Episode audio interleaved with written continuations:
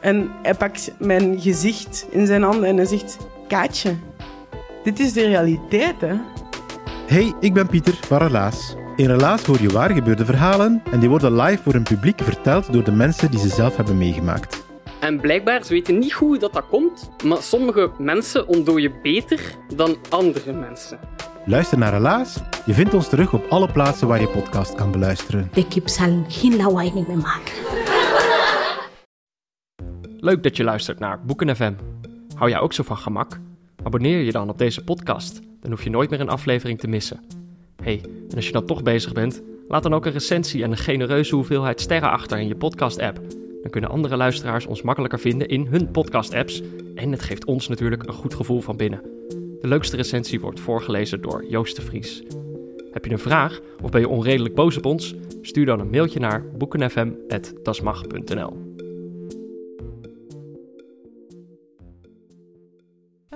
Wat, Hey. wat, wat geef je ervoor dan?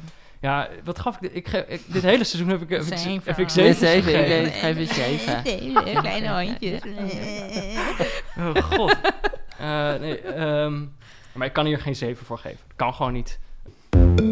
Zijn we aan het opnemen? Dan raak ik de war. Ja, volgens mij is dit gewoon de opname. We zijn gewoon begonnen. Ben je echt aan het opnemen, toch? Dit is Boeken FM, de podcast van Das Mag en de Groene Amsterdammer. Over boeken en de inhoud ervan. Met vandaag hemelse mevrouw Frederike van Maaike, Maaike Meijer.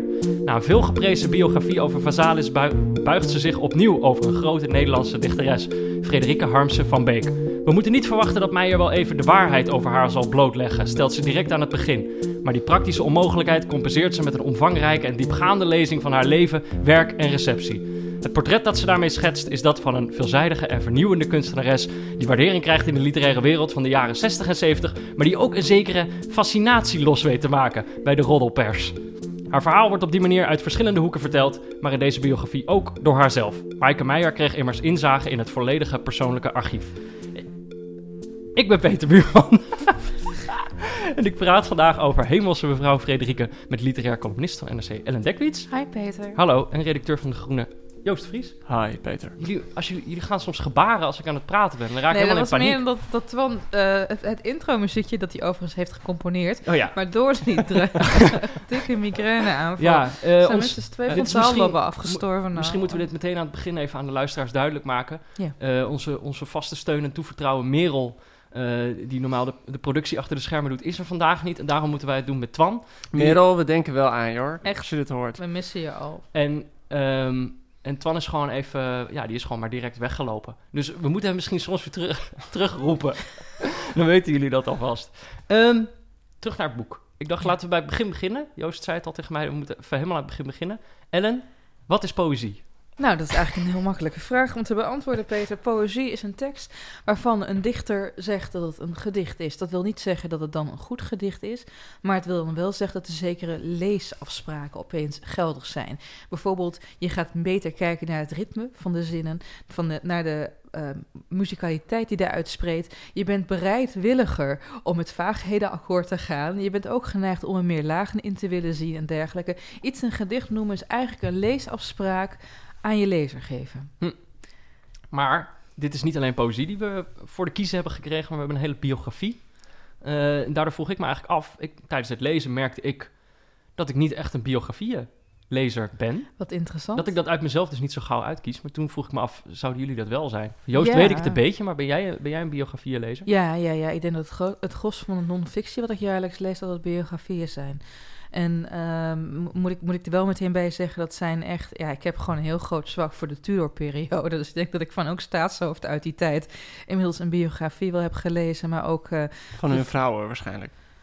Ja, er waren heel veel vrouwen, Joost. Ja, die gingen er gewoon hard doorheen in die tijd. Ja, Hè? Maar natuurlijk ook van degene die het veroorzaakte. Hendrik de Achtste, ehm, Bloody Mary, eh, Mary Queen of Scots. Ja, gewoon alles waar maar een beetje bloed aan de handen kleefde. En wie had dat nou niet in de Heb je die middeleeuwen? boeken van Antonia Fraser gelezen? Allemaal. Ja, dat dacht ik al. Ja. Allemaal, maar ook de haar boeken over Marie Antoinette. Ja, Fraser schreef gewoon graag over mensen die onthoofd werden. Dat is gewoon een beetje- echt een beetje Oh, is- dingetje. Ja, het is toeval, het is toeval. Ja. Maar ook eh, een biografie van, van, van sta- eh, ja, Romeinse staatsmannen. Julius Caesar natuurlijk. eh, biografie van Catharina de Grote. Noem maar op, noem maar op. Joost, jij? Ja, ik, ik, ik, eh, ik ook. Ik heb inderdaad ook wel verrassend veel van... Je hebt Antonia Fraser, is een hele chique Britse madame die...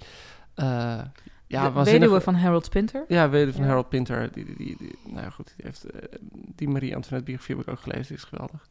Eh, ja, inderdaad, ik, ik lees... Het het is voor mij iets van de laatste paar jaar. Daarvoor vond ik het altijd een beetje... Ja, weet niet helemaal, vond ik het een beetje saai. Je hebt natuurlijk in de geschiedschrijving echt de theorie... eh, de, de Great Man of History theorie van eh, Russell Wallace. Dat met, met de slogan van... ehm, de geschiedenis van de wereld is slechts de biografie van enkele grote mannen. Ehm, Het is weer gezellig elitair van je, Joost. Heel jammer. patriarchaal ook.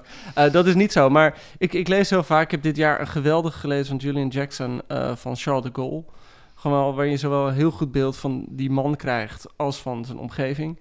Eh, ik las dit jaar bijvoorbeeld, ik weet niet of jij die ook gelezen hebt, Ellen, van Hans Goedkoop over Kellendonk. Nee, nog niet. Nou, dat is dan weer een soort. En ik bedoel, daar, daar zie je ook heel erg het verschil in biografieën in. Ik bedoel, soms heb je biografieën die heel erg om de persoon gaan en waarin de rest van de wereld niet zo heel erg ertoe doet.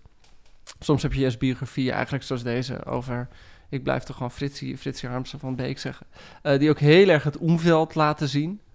Eh, en soms heb je eentje zoals die van Kellendonk, die eigenlijk bijna meer een soort van tekstexegese is. En heel erg eh, gericht is op de, de literaire positie van de schrijver, meer nog dan bijna op het leven. Dus haast een institutionele benadering. eigenlijk- eigenlijk eerder dan een inderdaad, ja. persoonsschets. Ja. ja. En misschien handig om voor, voor de luisteraars. Hè. Hebben jullie ook, eh nou Peter neem ik aan van niet, maar haar vorige boek gelezen van Maaike Meijer over Façades? Ik heb de helft gelezen of zo, op Hoe komt vakantie dat? een keer. Ja, omdat de vakantie voorbij was en ik toen aan een ander boek begon. Maar dat, niet de noodzaak om nee, maar ik, vond het wel een heel goed boek. En ik vond die Verzades ook een Je heel vond de helft heel fascinerend goed. Ja, Ja, ja, ik- ja, ik heb het in een ruk uitgelezen. Nou, ik moet zeggen dat ik er door dit boek eigenlijk wel eh, benieuwd naar geraakt ben.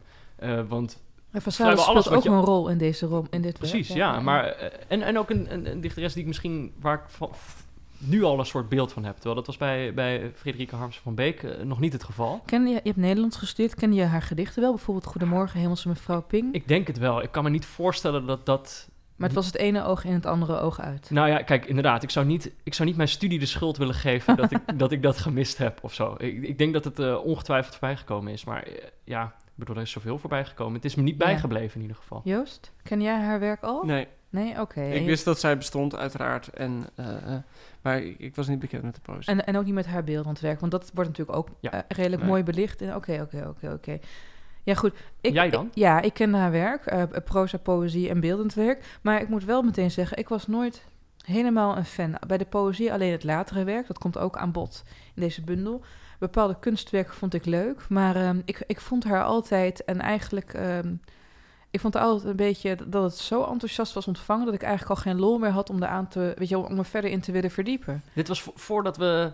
Voordat, voordat er volgens mij op de recordknop werd gedrukt, zei je al het woord dat iets platgejubeld was. Ja, ja platbejubeld. Ja, dat zei ik eigenlijk eh, over een ander roman. Maar, maar met haar werk, ja, zeker weten. Hm.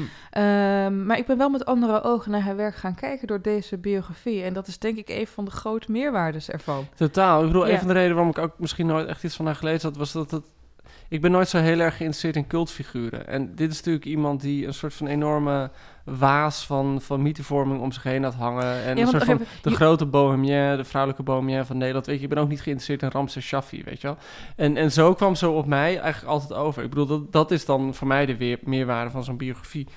Dat dat beeld gewoon heel erg wordt bijgesteld. En- Laten we voordat we gaan beginnen met vertellen. Want kijk, als jullie, de grote literatoren van deze tijd, haar werk al niet kenden. En haar persoon ook amper. Misschien dat onze luisteraars dat eh, nog helemaal Maar- niet weten. Ja, sorry luisteraars, moet ik gewoon hun ego te streden. Natuurlijk hebben jullie allemaal je doctoraat in de letteren verdiend al lang. Fritsie Harms de Beek was dichteres, eh, eh, schrijfster. Ehm, werd in haar tijd ontzettend geroemd vanwege haar eigenzinnig taalgebruik. Vanwege de onverwachte woordcombinaties in haar gedichten. En vanwege de sprookjesachtige fantasiewereld die zij opriep. Haar ouders waren de tekenaars. Allebei waren de geestelijke ouders van Flipje, van Betuwe Extra. Die hebben we wel allemaal gezien. En ehm, de mythevorming om Fritsie, die veel mensen denk ik toch wel kennen... en die Maaike Meijer deels ook verklaart en onderuit schoffelt in het boek... was dat zij... ze- haar ouders waren knalrijk geworden. Die hebben gewoon een fortuin bij elkaar getekend. Eh, dat kwam allemaal in de handen van Fritsie en haar criminele broer ja, ongelooflijk, die broer. Die broer, komen zo nog op. over. Ja. Nou, dat, eh, dat, eh, en Fritsje had een man eh, die communist was en eh, dus geloofde in gemeenschapsgeld. Dus daar ging haar deel van de erfenis. En ehm, zij leefde, eh, op een gegeven moment had ze een huis gekocht van dat van de laatste restjes geld die ze wel van zichzelf had weten te houden. Villa Jachtlust, dat kennen we misschien allemaal wel. Groot feesten, eh, de villa in het Gooi geloof ik jongens. Ik ben heel Ja, in Blarikum. Maar het had ze niet gekocht, had gekraakt, toch? Of, Nee, ze, Nee, het werd gekraakt. werd Oh ja, gekraakt. het werd... Ja, oké. En toen heeft eh, volgens mij de, de, de gemeente Amsterdam heeft het aangekocht. Ja. En zij is aangesteld als huismeester Ja. van dat huis. Nou, dat had- Jachtlust. Dat had Ja. beter gekund. Waarom doet de gemeente Amsterdam dat niet voor ons ook? Gewoon ergens een enorme villa kopen. Ja. Ja, het Wi- Witse huis, ik weet het niet hoor. Maar het, het gaat niet uit van de gemeente als particulier Ja. Maar ehm, ter- terug naar Jachtlust. Enorme mythe voor de mythe die daaromheen heerste was... daar gingen alle dichters en schrijvers heen. Notenboom, Roland de Holst, eh, Klaus. Kampert, Auke Hulst... om te neuken, te zuipen, drugs te gebruiken, liederlijk te zijn. En maar één iemand werd het kwalijk genomen... namelijk de enige vrouw die daar ja, gewoon in de, althans voor de buitenwereld was... namelijk Frederike. Ja, wat, wat, wat mij door dit, eh, door dit boek duidelijk werd, is dat er.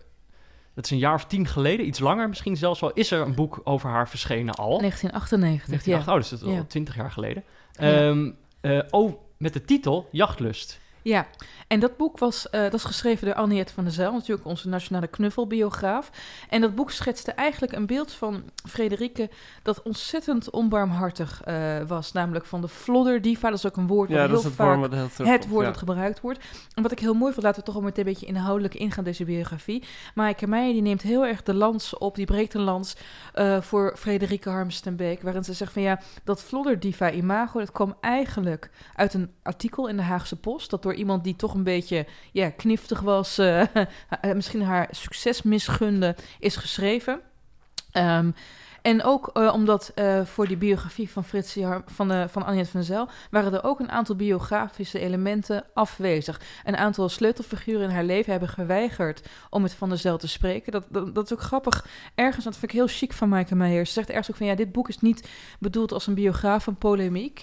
Maar ze geeft wel heel duidelijk Ja, aan ja. waarin dat van Anjet van der Zijl tekortschiet. Ja, En eh, dat van Anjet Ja, van dat was wel een heel succesvol boek, toch? Nou, dat was fantastisch succesvol. Ja, maar ook, maar ook kijk, Annette van der Zijl schrijft zo meeslepend. Kijk, dat is misschien ook leuk om te, te vermelden. Hè? Je hebt verschillende tradities in biografenland hoe je een verhaal naar voren brengt. Hè?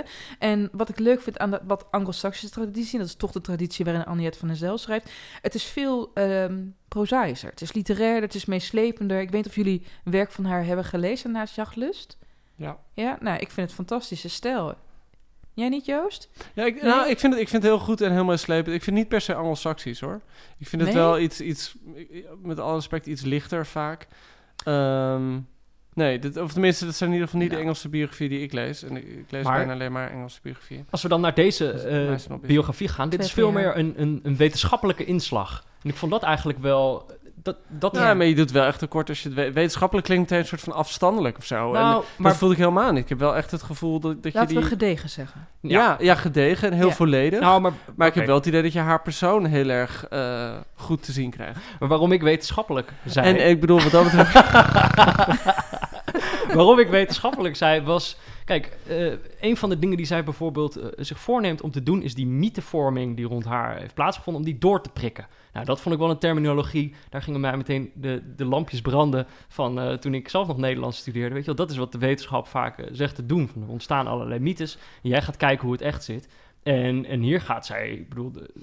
Het, het materiaal dat zij heeft gebruikt om deze biografie samen te stellen... dat is zo omvangrijk dat je inderdaad zou kunnen zeggen... dat het wel heel gedegen gedaan is. En daardoor zou je ook kunnen zeggen, je leert haar wel heel goed kennen, maar soms blijft het ook wel een beetje op de vlakte als ik dan meteen al een soort van waardeoordeel mag oh, geven. grappig. Dat, dat, dat had ik juist Oh, helemaal, helemaal niet. niet, nee. Nee? Maar ik vind gedegen ook echt, moet je voorstellen dat Nou, jij zo meteen debuteert met je boek Oh, ja. en, dan, Nee, ik, en dan zeg je nou zei, Peter, ik zei gewoon het is wetenschappelijk. Het is, Jullie een gedegen boek. Ja, Conscientieus vind ik een mooi ja, woord. want ik zei ook gedegen, maar Ja. da- daarmee doe je haar tekort. Nee, Ja. dat, het is heel conscientieus.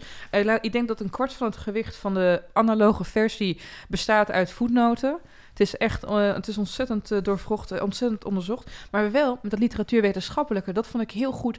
In het begin zegt ze van ja, ehm, je, je kan als eh, biograaf, kan je soms het probleem tegenkomen dat mensen zeggen, ja, je moet je eigenlijk alleen op de kunst richten en niet op de maker van de kunst. Maar ehm, dat, dat onderstreept ook, het gaat haar niet om of kunst en leven van uh, Frits Harms de Beek samenhingen, maar op welke manier. En ik vind het heel fijn dat ze die eh voetnoot al geeft. En ze geeft op een ook aan van ja, mijn hoofddoel is deze kunst tot leven te brengen in deze biografie. En dat kan je niet doen zonder alle achtergronden. Ja.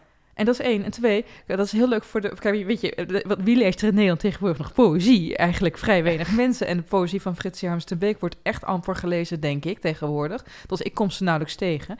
En ehm, ze probeert ook echt die poëzie inzichtelijk te maken.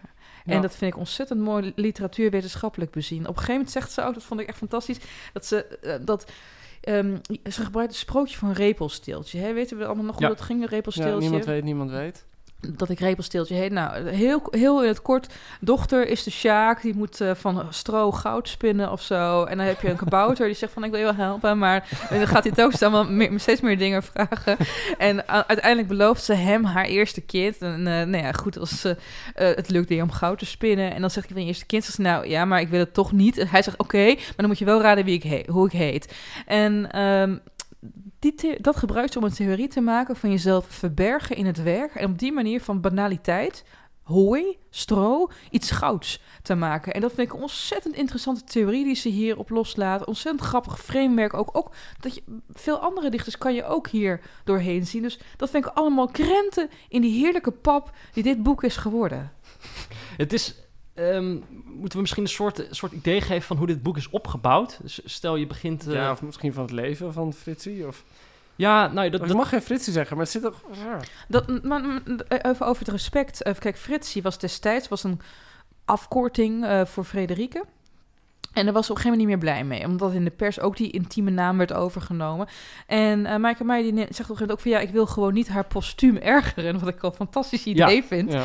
En eh, ik noem haar Fritsie in, tijdens haar kinderjaar, want het was inderdaad haar kindernaampje en later niet meer. En dan moet ik wel zeggen, ergens in deze biografie heeft het per ongeluk, ik denk ja, dat je hebt het, één eh, foutje gevonden. ja, op, op pagina 540.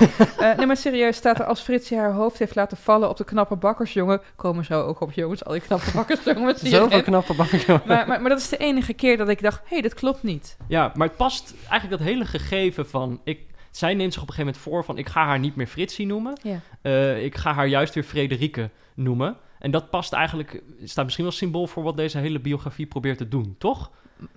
In de zin dat je eh, eh, die nabijheid die, die, die geschetst wordt... of die in ieder geval de illusie van nabijheid die er geschetst wordt... door, eh, eh, Fritsie? door haar Fritsie Ja. te noemen... Ja. Die, Jo- Joost wordt ongeduldig, die gaat mijn zin afmaken. Ja. Dat, eh, Dan zijn ze zo die wil ze juist. Die, die wil zij juist weghalen met dit boek. Eh, en, en dat doet ze op allerlei verschillende eh, manieren, denk ik. Ja, dat denk ik ook. En weet je, op een gegeven moment, nou, op een gegeven moment uh, kijk, uh, Frederik heeft ook de neiging om de, ja, de uh, veel jongere mannen te daten. Hè? En voor het weet uh, klinkt Fritsje als Fritsel. Dat wil je natuurlijk ook niet. ook naar het volgende onderwerp. Ja. Volgende onderwerp. Zullen we, is dit dan het moment dat we Twan moeten roepen? Ja. Twan! Twan, Twan. Ik, ik voor ben- de luister, luisteraarsvragen. Voor de Zijn- luisteraars. nee, we gaan hem ja. vragen of die er weer zijn. Ja. Twan, Zijn er die, luisteraars? Is Twee, die. twee. Twee, oké. Nou, ik ben benieuwd. Het duurt even. Jongens. jammer. Oh, Merel. Merel, Merel, Merel, Merel. waar ben Waar je? ben je? Dagboeken FM. Ik luister altijd met veel plezier naar jullie podcast. En vooral naar Ellen. Wat heeft zij een heerlijke stem.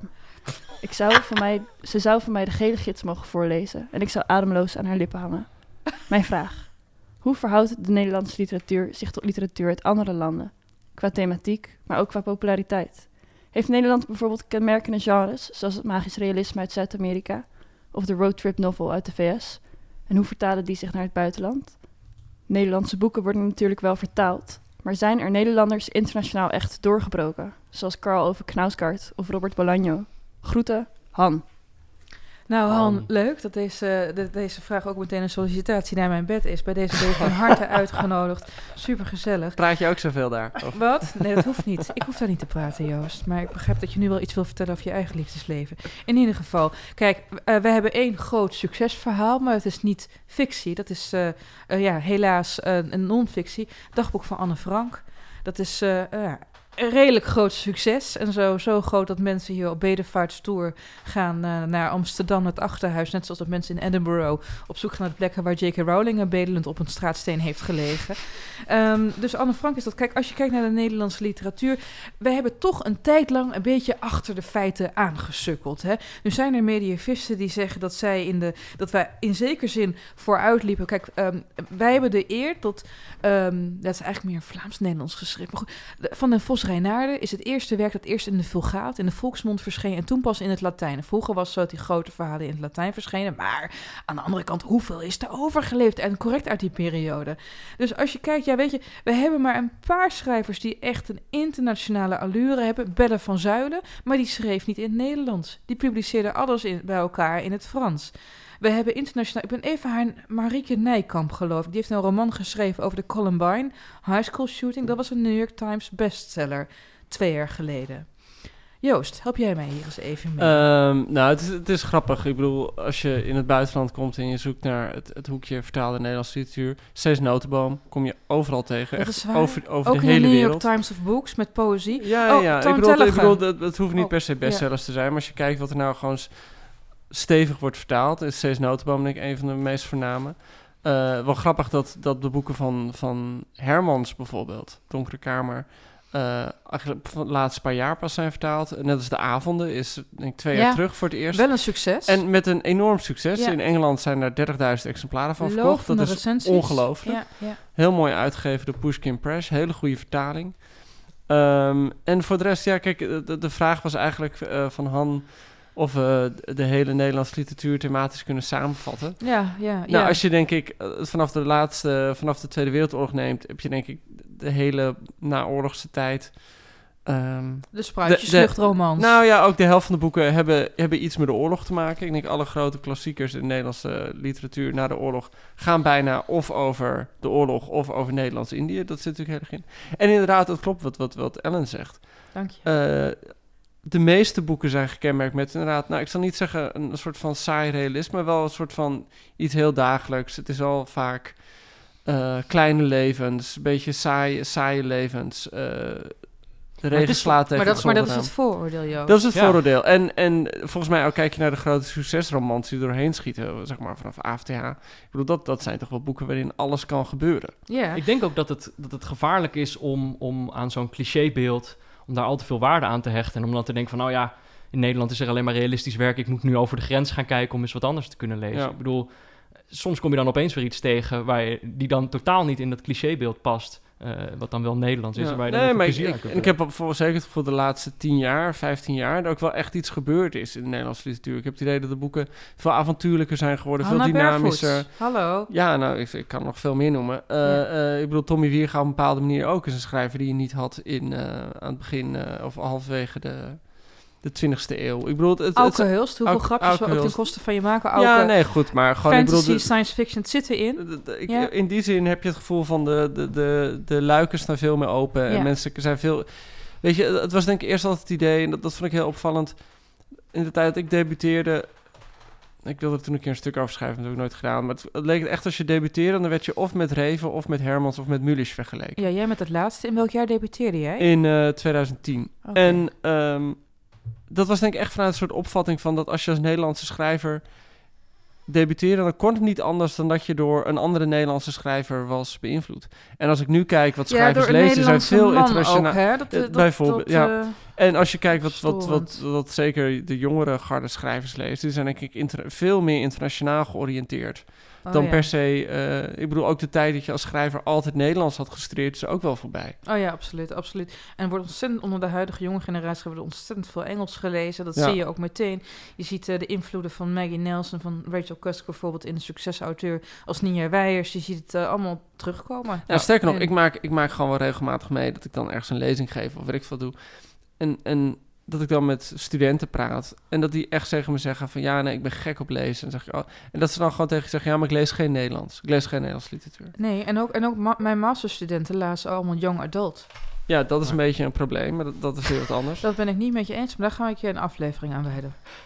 Oké. nee. We, we gaan straks nog een Harry Potter podcast opnemen. Nou ja. Ja, Eh, eh, nou, Han, ik hoop dat je tevreden was. eh, met ja de- Han de- Dekkewits, dat klinkt Ja. leuk. Volgende, Volgende vraag. volgende vraag. Beste boeken FM'ers, wat een heerlijke podcast maken jullie. Ik geniet elke keer van de gesprekken over boeken en de inhoud ervan. En ben meteen begonnen met de boeken van Martin Michael Driessen, Rob van Essen en Peter Verhelst. Een vraag die ik voor de podcast heb is de volgende. Volgens mij heeft iedereen een leesvoorbeeld, een docent of ouder of goede vriend, die ons heeft geïnspireerd. Zo niet om een lezer te worden, dan toch wat voor lezer.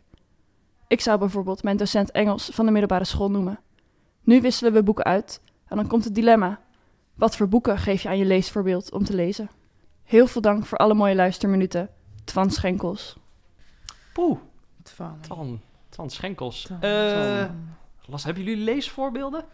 Eh, je wilt- Ja, ik kan je wel één voorbeeld geven wat ik had. Ehm, op de middelbare school had ik twee docenten Nederlands. We hadden Nederlands in een, in een gangetje. En dan kwamen alle, st- alle leerlingen die gingen zitten in de klas. En aan de andere kant ging ook, van de gang was ook een lokaal. Daar gingen ook alle, en dan stonden de twee leraren Nederlands, stonden altijd met elkaar te kletsen voordat de lessen begon. En die deden een spelletje met elkaar. eh, waarin ze Geweldig. Ja, een zin zeiden, was dan een beginzin of een slotzin van een boek. En dan moest de ander raden wat het was. Eh, dus, dus in de categorie, nou niet Oeroeg was mijn vriend, was, is te makkelijk, maar een beetje dat soort dingen. En die waren dan altijd zo elkaar aan het uitdagen om, weet je wel, van oké, het is Voskuil, maar welk deel van Voskuil? En zo waren ze ermee bezig. En ehm, ik dacht, omdat ik gewoon een soort van, uit een soort van naïviteit, dacht ik dat iedereen dat deed. Dat gewoon, eh, gewoon over kantoren door heel Nederland mensen dat soort spelletjes deden. Van aan de handen van Pater Beer zat er meer kogel, minder vinger dan de het kogelgaat zegt in zijn lichaam. zoveel over, En dat je dan over hoe jij bent. eh, en toen ben ik echt, toen ben ik wel echt begonnen met, met Nederlands literatuur lezen. Toen ben ik echt, eh, ja, dat had wel van die keuze werktijduren. En dan zat ik gewoon in de biep gewoon Leon de Winter te lezen en Maarten het Hart. Niet eens met het idee dat, dat ik het leuk vond of zo, maar ik had het idee van dit hoor ik te doen. Mm. Mm. En ehm, ja, dus, dus, dus voor mij was, was dat zo'n moment. eh, Volgens mij heette die docent eh, Wil Hansen. Hele leuke man. Speelde een keer heel goed Sinterklaas. Eh, en volgens mij meneer Van Vlucht. Nou, als Ja. ze luisteren Nou, bij bedankt. deze. Ja, of Bedankt. meneer Blank. Dat kan ook meneer Blank zijn. Eh, Nu heet hij Wit. Ja, maar goed. En jij... Eh, Jezus. ja, jij, ja, ik, gisteren was de kerstborrel van de Gunne. Ik ben nog gewoon een beetje, een beetje brak. Eh, en, jij, en jij, Ellen, jij, Ja, hebt, Peter. jij hebt natuurlijk Ja. ook Nederlands gestudeerd. Ben je dan een beetje... Ja, dat heeft natuurlijk enorme invloed. Maar het begint, denk, het begint vroeger. Mijn ouders zijn enorme lezers dus. Hè. Eh, moeder Nederlandse literatuur, mijn vader Russische literatuur. Dat is er wel echt met een papperlepel ingeramd. En op de middelbare school hadden we een hele fanatieke afdeling sec, eh, Engels. En eh, ja, Marius Leijten, Sandra Woedeman, mensen. Mevrouw Maaswinkel, dikke duim omhoog. Want die Laat ze met ons niet alleen romans en begon te hebben over romanstructuur, narratieve technieken. Maar ze behandelde bijvoorbeeld ook de First World Poets. Dus eh, Alfred Joy Kilmer. eh, ze behandelde Emily Dickinson met ons. We hebben echt totaal geboft. Dan zat je op een school in Almelo. Dan had je opeens echt zo'n Dead Poets Society moment elke week. Dat was geweldig. Ehm, Kom je uit Almelo? ja, nou, ik, ik heb in Borne ge- opgegroeid in Almelo op school gezeten, zoals de Oh, betere oh, mensen. Vertel eens iets over je accent. Hoe heb je, heb je dat afgeleerd? Had je dat echt? ja, nou nee, het, het, En je hebt het het- heel erg afgeleerd. Nee, Dat niet afgeleerd, Joost. Luister, laat me uitpraten. Het kwam eigenlijk zo. Ehm, op mijn achtste werd ik gescout voor eh, musicals. Ik, heb, eh, ik debuteerde toen ik acht was in Carré met, een, eh, met Les Miserables. One day more. One day more. en ehm, ze zeiden wel van, ja, je begint wel Twents te praten. En bij al die trainingen, als, als kind musical sterretje, krijg je heel veel training. Maar elke zaterdag zaten wij in Amsterdam. En eh, daar hoorde ook logopedie bij. Ja, oh, goed. Dus eh, zo, maar ik kan wel Twents als ik heel boos of heel dronken ben. Maar dat ben ik allebei. Je speelde, je speelde Fantine, toch? Was het? Nee, schatje, nee, nee, nee. Dat Nee, was de kindprostitutiefilm geweest, musical geweest. Ik speelde kleine Eponine. Oké, even Ah, goed. Ja. Ja. Lezen dus. Lezen, eh, nou ja, Ja. lezen dus. Nee, maar weet je wat is? ehm, hoe meer je zelf eh, gaat lezen, eh, hoe, eh, hoe meer je wil lezen. Dat, dat steekt je zo ontzettend aan. En op een zeker punt dacht ik van ja, ik snap niks van de wereld. Was ik een jaar of 16, 17. Ik begrijp gewoon helemaal niks van hoe het in elkaar zit. Ik dacht van nou, ik ga gewoon boeken lezen. Ik zag het echt als lifehacks. En dan gaan er wel deurtjes in je geest open. Ik las het rood en het zwart van Stendhal op die leeftijd. En dat gaat eigenlijk over hoe je een loverboy wordt. En waarom, weet je wel, mannen heel... Ja, ja, ja, Joost. Ja. Niet Ja. hoe ik het gelezen Maak meteen een Hoe die, hoe die, mevrouw de Renault het hoofd maakt en de hele lange alinea's over zijn beweegreden, zijn manipulatie. uite- Uiteindelijk kiest hij er wel voor ongeveer om zich te laten onthoofden. Dat, ik weet niet of dat echt bij de Loverboys van nu past. Maar je hebt wel gelijk. Dankjewel Ja. Joost, fijn. Oké, ja, Geef- goed. Maar ehm, jij Peter, Eh, nou, ik denk echt... Ik had fantastische leraren Nederlands die ervoor gezorgd hebben dat ik Nederlands ben gaan studeren. Maar lezen, ja, dat, dat op een of andere manier kreeg ze, kreeg ze, lukte het niet om mij aan, de, aan het lezen te krijgen. Nou, dat merken we, ja. Ehm, en eigenlijk, ja, dus toch Nederlands gaan studeren. Uiteindelijk ook de literatuurrichting maar waarom ben je. Nederlands gaan studeren Omdat, dan? omdat die lessen fantastisch waren. Maar dat Oh ging ja, dus, de, de, de nadruk lag niet zo heel erg bij literatuur. Oh, dus je bent wegens het entertainment vanwege- Ja. ja. je dacht van ik wil Nou, meer eh, over oh, DT-fouten weten of zo. Nee, nee, nee. Het was, het was echt vooral meer schrijven. Dus echt eh, betogen, beschouwingen schrijven. eh, en eh, spreken werd heel veel gedaan. Daarom maak je nu een podcast. nou ja, misschien wel, ja. Nou, in ieder geval, ehm, die hebben het wel geprobeerd en dat heeft dus niet echt geholpen. Toen, tijdens mijn studie, moest ik heel veel lezen. En dan voelde dat ook altijd als, als, als moeten. Dus ik heb eigenlijk na mijn studie heb ik het, heb ik het een beetje herontdekt. Ehm, maar ik weet niet zo goed. Ja, mijn, ik vond het wel goed dat jij dat zei. Mijn ouders lazen ook heel veel. Maar waarom ik hun niet eh, durfde te noemen, omdat ik inhoudelijk denk niet zozeer ben gaan lezen wat zij lazen. Wat grappig. Ja, maar weet je, in mijn geval, ik hou heel veel van mijn ouders, maar ik heb ook altijd, en dat heeft verschillende redenen, mijn ouders hebben allebei een eh, oorlogstrauma, het gevoel dat, dat er een afstand tussen ons was. En ik heb echt heel lang geprobeerd en gedacht ook dat het via het lezen van dezelfde boeken en daarover met hen te spreken, dat die afstand ehm, ingekort kon worden. Maar ja, aan de andere kant, fun fact, ehm, maar ik ben deels door mijn grootmoeder ook opgevoed. Hè. Die woonde om de hoek, die heeft uh, nou, ja, Japans oorlogs, of een uh, Indisch oorlogstrauma. En niks wat Japans was, kwam ons huis in, waardoor mijn broer, zus en ik de hele tijd stiekem Japans lazen. Dus Yukio Mishima en dergelijke. Dat staat op onze vijftiende al helemaal van, haha, dat mag niet. Dus, dus, dus- dus het tegenovergestelde werkt dus ook. Hm. Zullen, we, zullen we teruggaan naar het boek? Ja, ja. Frederike. Ehm, nou, w- wat oh. is jullie bijgebleven van het boek? W- wat maakt de indruk? Nou, best wel zielige jeugd om, om daarmee te beginnen. Of zielig in de zin, ze had zo'n heel duidelijk gevoel dat haar moeder zeker niet echt op haar was gesteld. En je hebt dan, dan Nou, Heeft- dat is zacht uit. dat is zacht uitgedrukt. Ze, hoort, ja, ze hoort een keer haar ouders praten. En wat zegt die moeder dan? Die moeder zegt Ja, dan dat het zo'n lelijk kind is zo of dik. zo. Ja. ja. En eh, dan zegt die vader, misschien kan je een keer wat mooie kleren voor haar kopen. En dan zegt ze, ja, maar niks staat er, want ze is toch zo, zo dik en zo lelijk. En als je dus de foto's bekijkt in het boek, nou, spitting image van de moeder. Dus het is ook een soort van competitie. oh, grappig. Ja, Ja, ja, een soort sneeuwwitje factor. Hè? Je ziet als boze stiefmoeder, maar in het origineel was de stiefmoeder eigenlijk een moeder. Het was veel gruwelijker. Zie je dat de dochter je dreigt te overvleugelen en dan hul je haar in lompen. Ze drong haar ook, ehm, om, ze drong Of Fritsie toen ze nog jong was, eh, de hele boel schoon te maken de hele tijd. Eh, het is echt Ja, totaal sneeuwwitje. Ja, totaal sneeuwwitje vooral inderdaad. Heel erg onder de duim gehouden, heel erg geknecht. En Afgekraakt. je merkt dan ook dat zij op een gegeven moment, eh, dan is ze wat ouder en dan krijgt ze echt de kans om naar Engeland te gaan en naar Frankrijk. En volgens mij is het ook wel een soort van vlucht. Die ouders die, die zijn ook constant heel hard aan het werk, toch? Die, die, die Ja. flipjes eh, worden populairder. En die, die vader is de, godganse dag en nacht flipjes aan het tekenen. Ja. En zij, zij helpt daar ook mee. Ja. Eh, zijn vrouw helpt ook mee. Dus eigenlijk dat hele, dat hele huis... Familiebedrijf. ja. Ja, familiebedrijf. Ja. Ja. vrienden ze bakken met geld mee. Die flipjes zijn echt van die enorme collectors items nu. Ja. Enorm veel geld om om als je die, eh Ja. als je die bezoekt. Maar zij gaat, zij gaat inderdaad naar Engeland en naar Frankrijk. Wat mij heel erg bijbleef, en volgens mij was dat toen ze in Engeland zat. Zij wordt op een gegeven moment eh, ongewenst zwanger. En zij wil een, eh, een, een, een, abortus, eh, wil ze. Ehm, en dan is er een afspraak. Haar, haar broer Oh, ja. komt haar ophalen. En ik vond dit, dit was een van de eerste scènes die me wel echt een beetje aan, eh, bij, bij de lurven greep. Haar broer komt haar ophalen. Nou ja, goed, je hebt die, die Hein heb je al een aantal keer meegekregen wat voor soort figuur dat is. Een paar jaar jonger, lievelingskind van de moeder, Ja, ja. totale vlierenfluit, ga door. Ja, eh, inderdaad. eh, kruimeldief. misschien zelfs wel wat grotere criminaliteit. Ja. Maar die, die moet haar komen halen en hij komt maar niet. Nou ja, goed, en hij heeft wat, wat geld gekregen om haar uiteindelijk te kunnen vervoeren... en ook om die abortus te kunnen betalen. En hij komt maar niet. En op een gegeven moment, een paar dagen later, komt hij dan alsnog... met zijn been in een spalk en een heel verhaal over een ziekenhuis waar hij ingelegen heeft. En op dat moment weten ze gewoon niet of dat dan echt gebeurd is of niet. En je kunt die jongen dus blijkbaar ook helemaal niet peilen of dat echt zo is of niet. Terwijl ondertussen, zeg maar, die abortus, ze is daar al te laat voor. Ja, ik vond het echt een enorm eh, aangrijpend verhaal. Ja, dat is Eh, verschrikkelijk. En ja, dat hij ook nog al die canapés wilde opeten, hè? Ja, ja, inderdaad. en Maar sowieso, die Hein is natuurlijk de, haar broer. En eh, dat is dan eh, jarenlang was dat de oogappel. En het is zo'n nare vent. Eh, Ja. Wat, ik bij, wat me bijbleef, heel triviaal hoor. Maar is dat dan eh, die vader ehm, met Hein naar Londen gaat?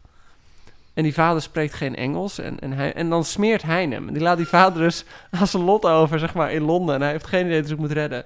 En, en hij, eh, hij vertrekt hem met, eh, met dat geld. En dan wordt er eigenlijk heel bijna droog opgemerkt dat die Hein eh, een soort van nog minderjarig is, maar wel in een soort van zware criminaliteit terechtkomt met berovingen of met, met verkrachtingen en diefstal Afpersing. en oplichting. En dat echt puur omdat hij minderjarig is, dat hij niet voor lange tijd de gevangenis in wordt gegooid.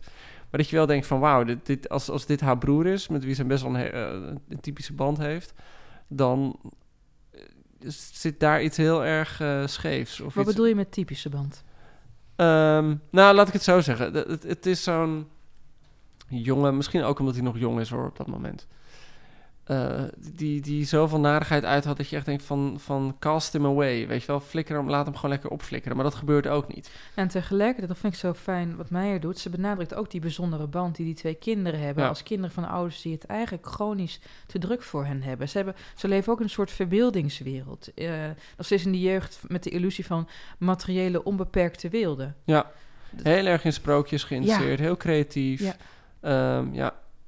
Vervolgens via een paar omzwervingen komt zij dus inderdaad op, op jachtlust terecht. Scène die me daar heel erg is bijgebleven. Op een gegeven moment Kampert komt daar de hele tijd over Ja. voor. Ja, was Wel, een, wel bekend. ja, was een Kampert. paar jaar getrouwd mee. Ja, Ja. en, maar inderdaad, dat, dat huwelijk. De dag voor het huwelijk. Nee, op het huwelijk. Vertel eerst even, dat vind ik heel mooi. Dat, dat, ik, ik ken maar één verhaal dat zo is. Maar ze ontmoeten elkaar op het boekenbal. En het is liefde op het eerste gezicht. Eigenlijk precies als Daniel van der Meer en Twan Dom. Ja. Echt precies, ja. Nou, en net zoals bij Twaan en Daniel ehm, slaat Kampert op de dag van hun huwelijk met een asbak tijdens een ruzie de voortanden van Frit, Frederike eruit. En nu, wat ik echt een leuk detail vond, jongens, de tandarts die die voortanden repareert, kreeg ze later nog een verhouding mee. Ja. Ja, ja, ja. Maar ja, dat- maar inderdaad, dat dan... ik bedoel, ze hebben die, die enorme ruzie gehad. Hij slaat die tanden uit haar mond. Ja. Die tanden moeten dan met... met oh, ja, zeg maar, op het allerlaatste moment worden er nog een soort kunsttanden ingezet, volgens mij. En dan moet ze nog het jaarwoord geven aan Ja, nee, dan, gaat ze nog het jaarwoord Ja, precies. geven. Ja. What the fuck? ja, Nou, ik vond dat echt... heel naar. Eh, en dat vond ik dus wel voorbeelden. K- kijk, Joost zei het, zei het woord eerder ook al toen we het hadden over biografieën in het algemeen. Dat je soms het idee hebt dat het saai is of zo. Of dat je het idee hebt van ja, het is allemaal, het is allemaal echt en het is realistisch. Dus je, je hebt het gevoel dat je zelden verrast gaat worden. Maar dit soort verhalen, Nou, dit is Ja, fantastisch echt kijk, geschreven. En sowieso Ja. vind ik dat Maaike Meijer daar heel goed over schrijft. Ook wel een soort van goede... eh, goed het, het verschil in mentaliteit ziet. Wat ik wel mooi vind is dat, dat Kampert vindt het dat op jachtlust en er is geen geld en ze hebben allemaal schuldeisers. En die vindt het wel leuk, die vindt het lekker bohemien. En dan komt er een schuldeiser aan de deur en die wordt dan afgepoeierd. Eh, of tenminste, Fritsie heeft dan, een- uh, Frederike heeft een manier om die schuldeiser weg te doen. En hij vindt dat heel tof. Hij vindt het echt zoiets van, yeah, fuck the establishment. en, en zegt Meike Meijer van, hij zit al helemaal een soort van, dit is een eind jaren 50. Hij zit eigenlijk al helemaal in zo'n provo-mentaliteit van neerkijken op het klootjesvolk. Terwijl zijn Frederike zich eigenlijk gewoon schaamt voor. Die vindt het helemaal niet leuk en bohemien om geen geld te hebben. Ze hebben gewoon geen geld. En die vindt het ook vervelend naar die man toe die ze moet afpoeieren. Ja. Dus je ziet heel erg zo'n mentaliteit waarin op mij Kampert eigenlijk een beetje als een soort van ja, een cynische lul overkomt. Die, ehm, ja, die eigenlijk haar problemen gewoon meer grappig vinden dat hij nou echt meeleeft. ja. en En dus- ze verergert. Ja, en ze verergert op een bepaalde manier. nou, Ja. als, we, als we het daar dan over hebben, dan is er nog een naam eh, die je kan noemen. eh, Gerard Reven, die daar op een gegeven moment ook over de, over de Wat vloer een komt. lul. Ja. Ook een lul. Ja, want hij schrijft dan stukken, een zogenaamde brieven, eh, waarin de Fre- Frederike ook een personage is.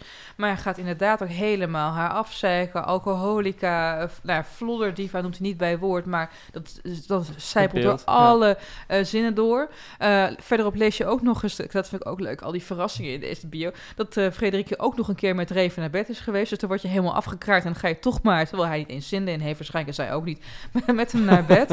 Ja. Ehm, dat soort details vind ik heel leuk. Maar ook over, inderdaad, het is een spannende biografie. Op een gegeven moment heb je zelfs cliffhangers. Aan het einde van het, volgens mij, tweede en laatste hoofdstuk... staat er, ze maakte een euthanasieverklaring... maar heeft die nooit geactiveerd. Het liep anders. Ik denk, Ja, oh my god, ik het Wat het, is er ja. aan hand? Ja. Vind ik heel Maar- en wat ik ook wel Ja, grappig vind, is dat, dat zowel Kampert als Reef, volgens mij nog een aantal... Iedereen zegt dat ze haar nooit zien schrijven. Ja. Dus eh, blijkbaar... En, en zo, volgens mij... eh, alsof die gedichten zomaar spontaan ontstonden en eh, niet heel veel werk kosten. Of... eh, ja, ze was altijd bezig met andere dingen.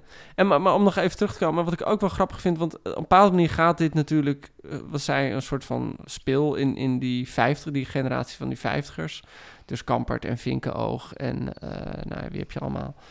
Ehm, daar hoort ze nooit helemaal, wordt ze nooit helemaal in één naam genoemd. En dat, dat legt Meike Meijer ook wel goed uit. Die zei ook van... zeg maar in de jaren, eind jaren 50 en ook in de jaren 60, als dat, dat de studentencultuur en het activisme doorkomt. Ehm, zij is gewoon net een slag ouder. En op een bepaalde manier maakt ze er deel van uit, maar wel met een soort van, van meer nuchtere distantie schrijft ze erover en, en, en spreekt ze erover. En ze was de real deal. Want Ja. al die jonkies wilden echt bohemien zijn, maar zij was het tegen beter willen in. Dit en was wordt gewoon op een gegeven is, moment ja. wordt er ook de claim gemaakt dat al die mensen die het wilden zijn, hebben dat bestaan op een gegeven moment ingeruild voor een heel burgerlijk bestaan. Ja. Ja. Ook die, com- Ja. die communist met wie ze op een gegeven moment is, die gaat ook bij een bank werken Ja. volgens mij. Ja, ja. Eh, maar zij, inderdaad, tegen, tegen Willem Dank in, blijft die leefstijl houden, omdat ze nou helemaal niet eh, veel heeft op dat moment. Nou, ze kan ook niet anders. Nee. Ze, ze, het is een kindvrouwtje. Op, op, op, althans, zo wordt het geschetst. Eh, ze wordt geschetst, weet je. Een, een, kind, een kindvrouwtje dat, om het, de bewoordingen van Meijer te gebruiken... een briljante dichter is, weet je wel. Een eh, enorm goe- goede gedreven kunstenaar is. Maar iemand die, zo krijg ik het idee... ook aangeleerde hulpeloosheid heeft. Dat, dat noemt, benoemt Meijer ook in haar boek. En iemand die soms niet weet hoe ze moet leven. Ja. En eigenlijk iemand, en dat, dat vond ik ook wel mooi. Kijk, je verwacht eigenlijk aan het begin van het boek dat Meijer heel erg op de hand van Frederike is. Hè. Ze zegt van ja, de Anniette van der Zijl, vlot de diva imago, ik ga het allemaal onderuit halen. Maar ze wordt gaandeweg wel steeds kritischer. Ze durft ook de lelijke kant van Harms ten Beek te laten zien. Ja. Eh, ook lelijke citaten. Uh, Harms de Beek die werd op een gegeven moment een tijdje in Timbuktu. Dat is een heel leuk antiquariaat in Groningen. En dan zegt ze ook, ik vond het zo leuk. En ik heb eigenlijk niks met werken ooit gehad. Dat je denkt, ja, dat hele verwende. Ja. Iemand ook, ook bijna haar hele leven hangt van, van geldprijzen en eh fondstoekenningen aan elkaar. Die allemaal, dat benadrukt mij ook door vrienden zijn toegekend. Eigenlijk ontzettend nepotistisch gebeuren helemaal. Iemand die nooit echt heeft hoeven werken. Weet je wel, wel leidt en zo. Want port is duur. Maar ze heeft echt nooit hoeven werken. Ja, maar Hey, er- moet- er zit inderdaad op een gegeven moment... Oh, Joost wil nog. Ja. Nee, maar ik dacht van misschien kan Elle, ik, ik, we moeten het natuurlijk ook gewoon over haar poëzie hebben. Ja, denk ik wilde die, die, die stap die- inderdaad. Oké, dus ik, heb, ik dacht, ik kan het voorlezen, maar dat weten ze aan het voorlezen. Dit is haar debuut.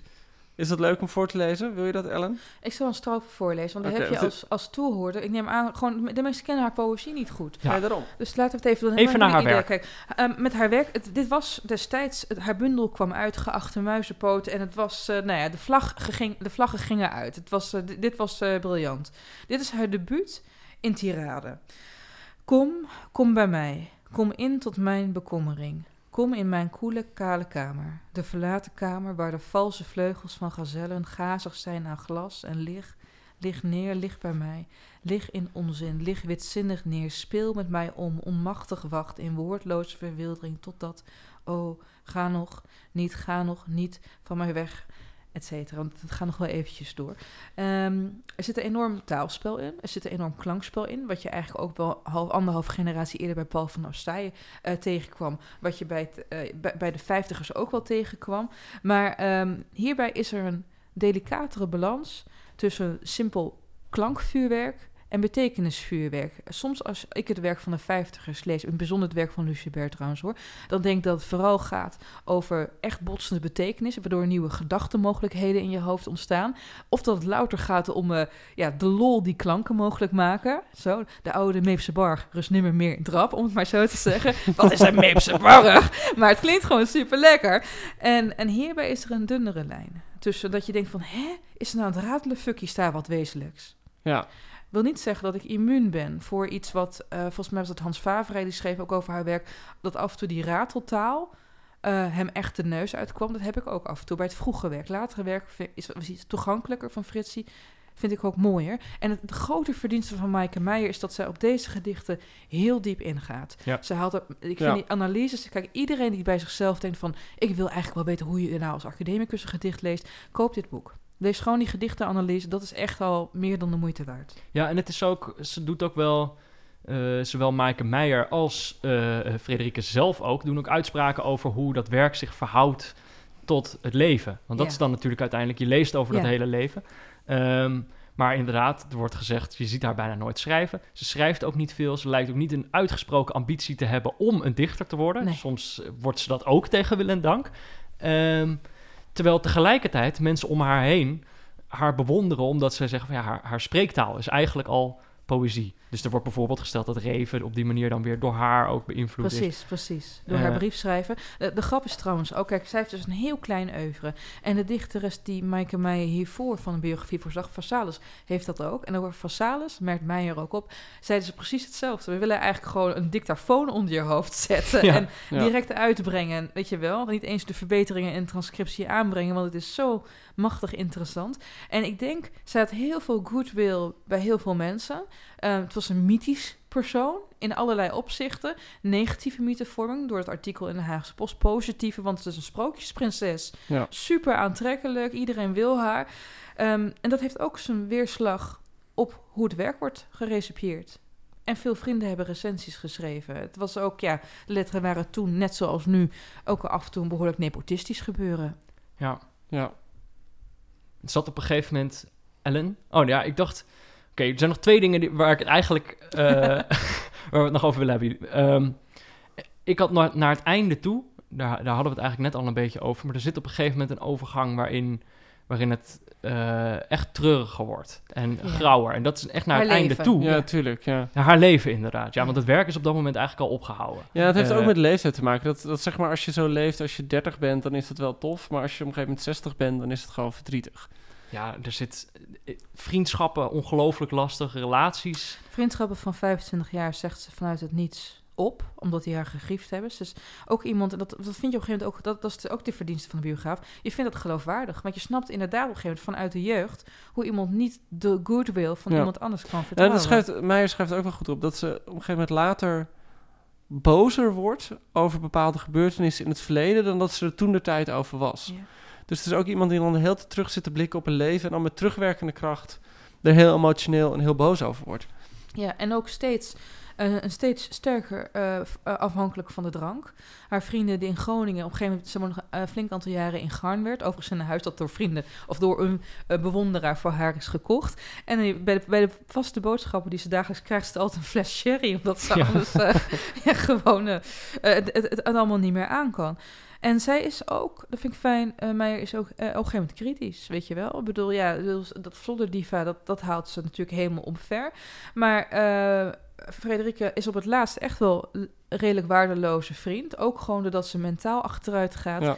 Ehm, ze, ze deinst Meijer dan er ook niet voor terug om de zwarte momenten te noemen. Bijvoorbeeld als Fredericus zoon Gilles of Gilles overlijdt.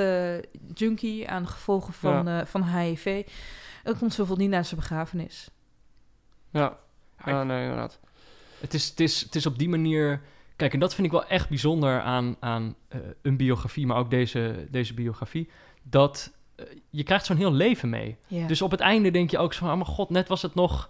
eh, weet je wel, je hebt zo'n heel leven. Veelbelovend. Ja, precies. Of, of, of net was het nog een kind of zo. Weet je wel, dat Ja. gevoel een beetje.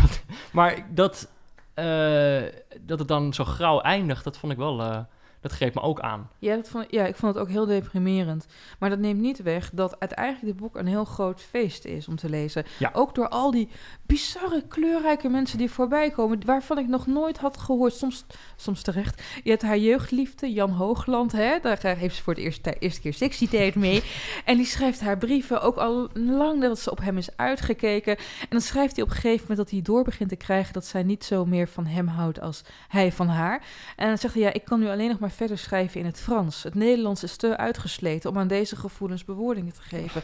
Nou, wie is die jongen? Die weet toch meteen een kus op zijn hoofd drukken. Ja. En ook gaat ze naden in op bijvoorbeeld... ehm, kijk, van Charlotte Mutsaars, die heeft een, had een hele innige vriendschap met Frederike. Dat eh, klapte op een gegeven moment ook. Uh, Mutsaars schreef een boek, De Marquiesin... waarin eigenlijk letterlijke gesprekken tussen haar en Frederike staan. Dat is op heel veel kritiek komen te staan. En eh, tegelijkertijd wil je dat boek ook gaan lezen. Want er staan fragmenten in, oh, dit is interessant.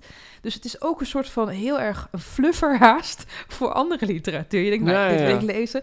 En ehm, wat ik de leukste contradictie van dit geheel vind, hè. ehm Fritsie was heel... Frederike.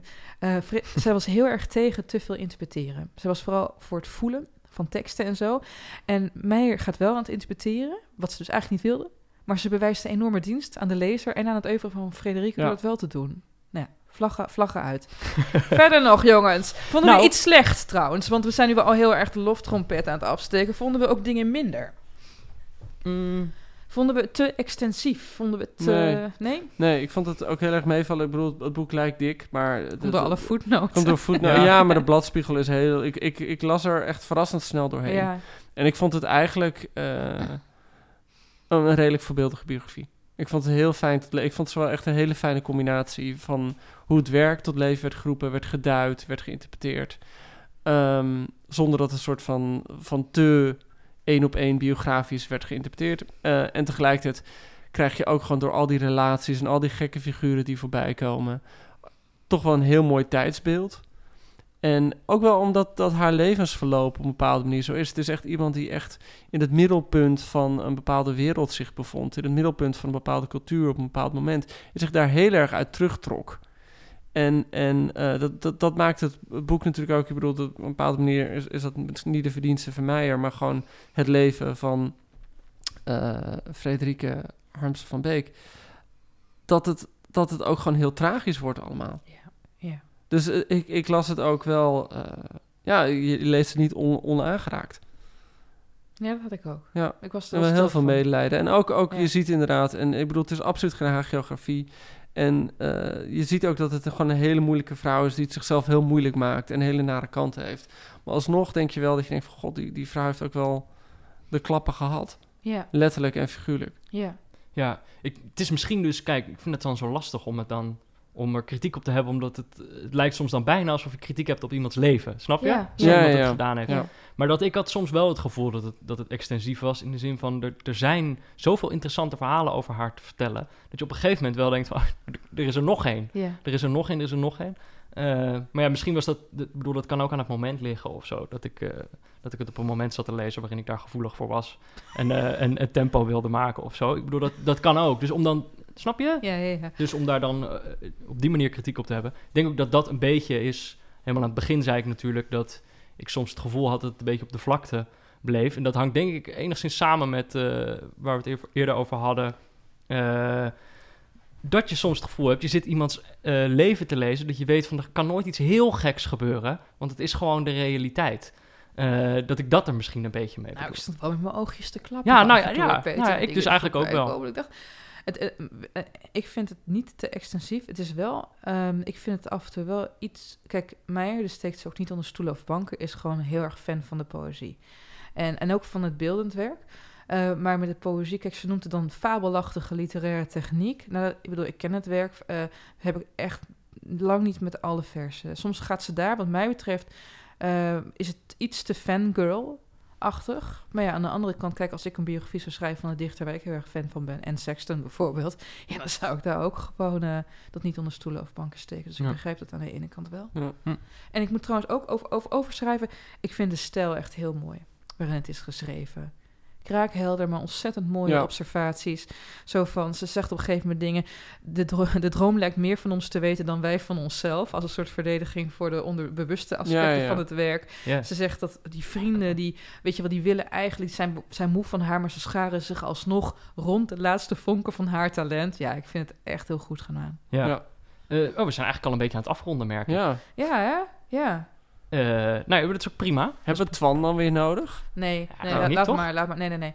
Nee. Zouden we dit aan onze moeders Ja. aanraden en Oh, onze zeker. vaders? Ja, Ja. Zeker wel. ja, Ja, absoluut. Ik ben, ah, maar ik ben benieuwd. Ik denk dat zij ook geen biografieënlezer is. Dus ik ben wel, ik, ben, ik, ik zou het Mm. haar wel aanraden, maar ik ben, ik ben eigenlijk wel benieuwd wat ze daarvan zou vinden. Ik Ja. kan me voorstellen dat zij dan zegt van nee, doe toch maar fictie de volgende keer. Ja, ja, grappig. Ja, want mijn ouders lezen ook heel veel biografieën, dus het is gewoon, ja, schot in de roos. Volgens mij Misschien heb ik het al, helemaal hoor. Ja, Joost? Wat? Zou je moeder dit lezen? Nee, dat zei ik al. Nee, nee. Mijn moeder is inderdaad ook geen biografielezer. Ehm, maar ik denk wel dat ze dit interessant zou vinden.